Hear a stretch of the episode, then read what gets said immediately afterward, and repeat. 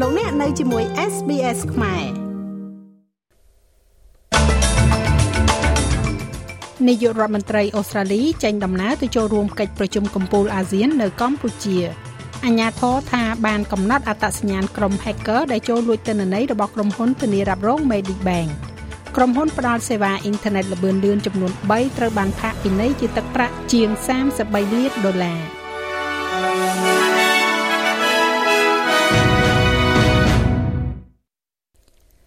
កិច្ចប្រជុំកំពូលអាស៊ាន កំពុងតែបន្តធ្វើឡើងនៅទីក្រុងភ្នំពេញនៃប្រទេសកម្ពុជាខណៈដែលប្រទេសអ៊ុយក្រែនបានក្លាយទៅជាសមាជិកទី50នៃសន្ធិសញ្ញាមិត្តភាព និងដៃគូសហប្រតិបត្តិការអាស៊ីអាគ្នេយ៍ហៅកាត់ថា TAC របស់អាស៊ានជាផ្លូវការហើយ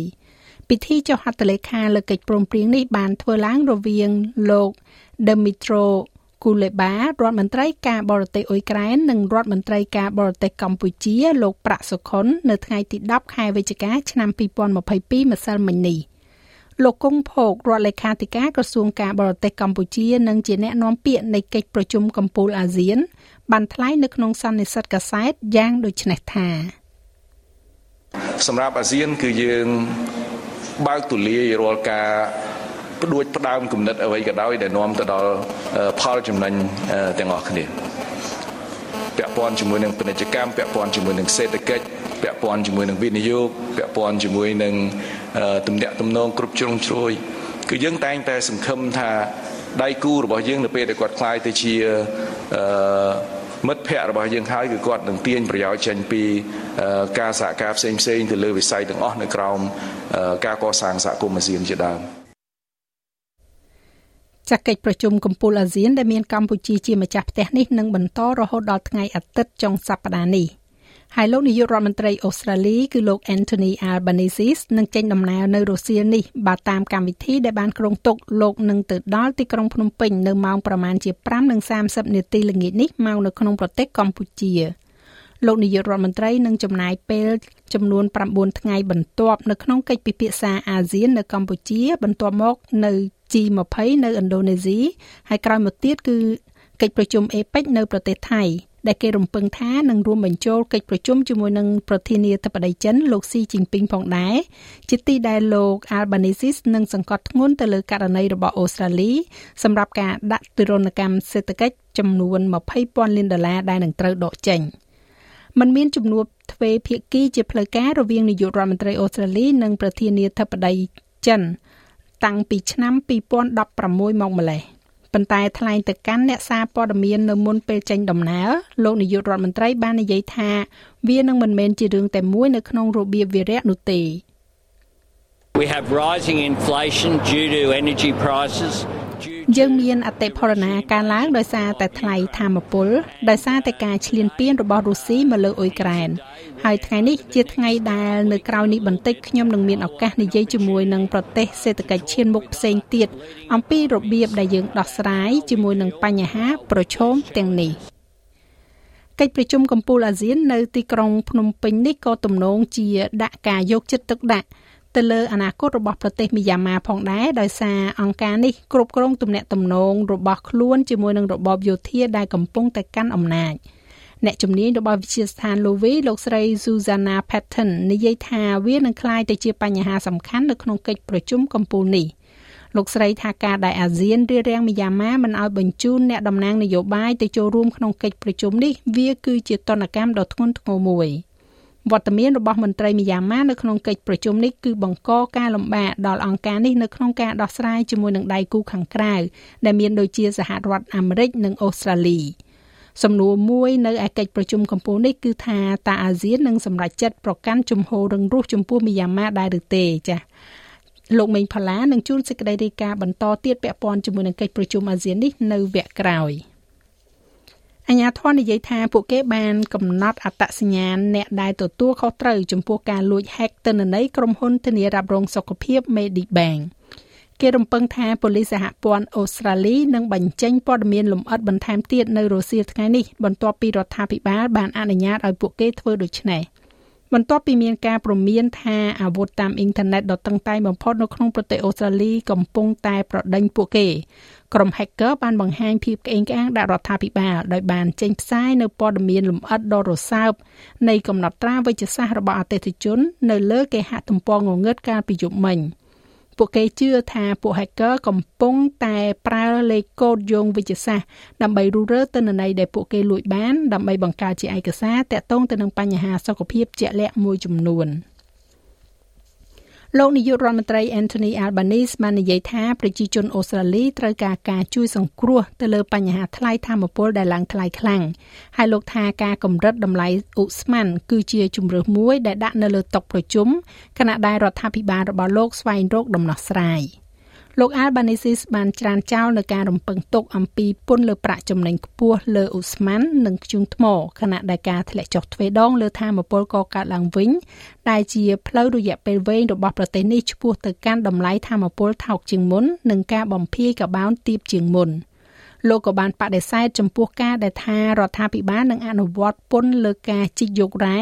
ដោយដាក់ស្លាកថាវាគឺជាពាក្យស្លោកមួយប៉ុន្តែទទួលស្គាល់ថាការយកពន្ធអូស្មန်និងធ្យូងថ្មជាផ្នែកមួយនៃការពិភាក្សាដែលអាចជួយគ្រួសារអូស្ត្រាលីឲ្យធូរស្បើយបានវិធី uh will put all uh, sensible measures uh, remain on the table យើងនឹងដាក់នៅវិធានការសមហេតុផលទាំងអស់ឲ្យនៅតែមាននៅលើតុប្រជុំ យើងកំពុងតែធ្វើការទាំងនេះតាមរយៈការនិយាយជាមួយនឹងឧស្សាហកម្មទាំងអស់នោះប៉ុន្តែយើងត្រូវតែផ្ដល់នៅការសង្គ្រោះស្ត្រីនៅរដ្ឋ Victoria ម្នាក់ត្រូវបានតុលាការកាត់ទោសឲ្យជាប់ពន្ធនាគារយ៉ាងហោចណាស់8ឆ្នាំបន្ទាប់ពីបានបង្កអគិភ័យដែលបានសម្លាប់ប្តីប្រពន្ធវ័យក្មេងមួយគូ និងទារកដែលទៅតែនឹងកើតរបស់ពួកគេ។ បន្ទាប់ពីបានសារភាពកំហុសចំពោះបទចោទប្រកាន់ចំនួន3នៃករណីដុតសម្លាប់នេះអ្នកនាង Jenny Hayes ត្រូវបានតុលាការកំពូលនៃទីក្រុង Melbourne សម្រេចក្តីនៅថ្ងៃនេះជនរងគ្រោះគឺជាស្ត្រីអាយុ18ឆ្នាំដៃគូរបស់នាងអាយុ28ឆ្នាំហើយនឹងកូនរបស់ពួកគេដែលមានអាយុ19ថ្ងៃដែលបានស្លាប់ដោយសារការពុលកាបូនម៉ូណូអុកស៊ីតនៅក្នុងអគ្គិភ័យនេះ អ្នកនាង Hayes ដែលជាស្ត្រីរកស៊ីផ្លូវភេទបានបង្កអគិភ័យនេះឡើងដើម្បីសងសឹកបន្ទាប់ពីមានចំនួនចំនួនលើសេវាកម្មរបស់នាងជាមួយនឹងមិត្តភ័ក្តិរបស់ប្តីប្រពន្ធពីរនាក់នេះដែលបានស្នាក់នៅក្នុងបន្ទប់គេងមួយនៅជាន់ផ្ទាល់ដីនៃផ្ទះរបស់ពួកគេក្រុមហ៊ុនផ្ដល់សេវាអ៊ីនធឺណិតល្បឿនលឿនចំនួន3ត្រូវបានផាកពិន័យជាទឹកប្រាក់ចំនួន33លានដុល្លារ និង5សែនបន្ទាប់ពីខកខាននៅក្នុងការធានាឲ្យបានថាអតិថិជនមួយចំនួនបានអាចទទួលបាននៅល្បឿនអ៊ីនធឺណិតដែលពួកគេកំពុងតែចំណាយនៅលើសេវាកម្មនោះក្រុមហ៊ុន Telstra នឹងបង់ប្រាក់ចំនួន15លានដុល្លារបន្ទាប់ពីគណៈកម្មការត្រួតពិនិត្យអ្នកប្រើប្រាស់នឹងការប្រកួតប្រជែងរបស់អូស្ត្រាលីហៅកាត់ថា ACCC បានចាត់វិធានការនៅក្នុងតុលាការសហព័ន្ធការពិន័យនេះត្រូវបានព្រមព្រៀងរវាង Telstra Telstra និង ACCC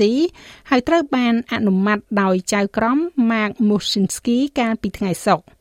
ក្រុមហ៊ុន Optus ក៏បានយល់ព្រមបង់ប្រាក់ចំនួន13លានកន្លះ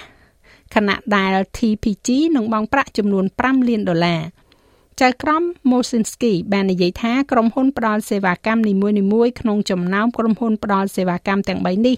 បានទទួលស្គាល់ការទទួលខុសត្រូវចំពោះការបំពានទៅលើច្បាប់អ្នកប្រើប្រាស់អូស្ត្រាលីអត្តធានរបស់ទាហានអូស្ត្រាលី3នាក់ត្រូវបានកំណត់អត្តសញ្ញាណជាផ្លូវការបន្ទាប់ពីជាង100ឆ្នាំក្រោយពីពួកគេត្រូវបានសម្លាប់នៅក្នុងសង្គ្រាមលោកលើកទី1 ការកំណត់អត្តសញ្ញាណជាផ្លូវការនេះគឺជាលទ្ធផលនៃការវិភាគប្រវត្តិសាស្ត្រការវិភាគខាងផ្នែកបុរាណវត្ថុនិងការវិភាគ DNA យ៉ាងផ្ចិតផ្ចង់ដោយកងទ័ពអូស្ត្រាលីរដ្ឋមន្ត្រីក្រសួងកិច្ចការអតីតយុទ្ធជនលោក Matt Kang មានប្រសាសន៍ថាវាគឺជារឿងត្រឹមត្រូវដែលបុគ្គលទាំង3ត្រូវបានគេបញ្ចេញឈ្មោះនៅទិវារំលឹកការចងចាំចាប់តាំងពីមនុស្សជាទីស្រឡាញ់របស់ពួកគេមិនដែលដឹងអំពីជោគវាសនារបស់ពួកគេសោះឡើយបន្ទាប់ពីពួកគេបានទទួលមរណភាព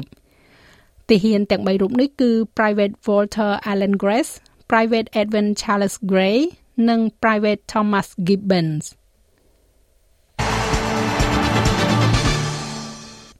នៅក្នុងព័ត៌មានកីឡាបាល់ទាត់ក្រុម Manchester United នឹងត្រូវជួបជាមួយនឹងក្រុម Burnley ក្នុងជុំទី4នៃពេលរង្វាន់ EFL Cup បន្ទាប់ពីសុទ្ធបញ្ចូលទីដ៏គួរឲ្យចាប់អារម្មណ៍4ទល់នឹង2ទៅលើក្រុម Aston Villa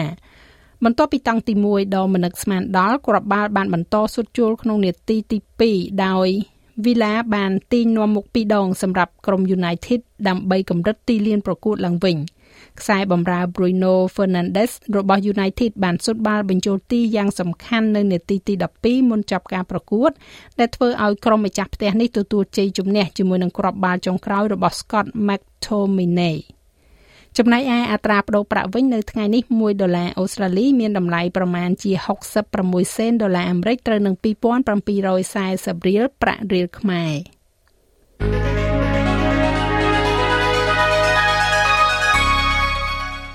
យើងក៏លេខមកមើលការព្យាករណ៍អាកាសធាតុសម្រាប់ថ្ងៃសៅរ៍ស្អែកនេះវិញ នៅទីក្រុងផឺតមានពពកដោយពេល21អង្សាអាដាលេដមានរលឹមនិងអាចនឹងមានព្យុះ24អង្សា មែលប៊នរលឹមបន្តិចបន្តួច21អង្សា ហូបាត មានពពក15អង្សា នៅខេនបារ៉ារលឹមបន្តិចបន្តួចអាចនឹងមានព្យុះ25អង្សាស៊ីដនីមានពពកដោយពេល25អង្សា បើកថ្ងៃនៅ Brisbane 30អង្សា បើកថ្ងៃដូចគ្នានៅ Cairns 32អង្សា នៅ Darwin រលឹមបន្តិចបន្តួចអាចនឹងមានព្យុះ34អង្សា ទីក្រុងភ្នំពេញ មានពពកដោយពេល33អង្សា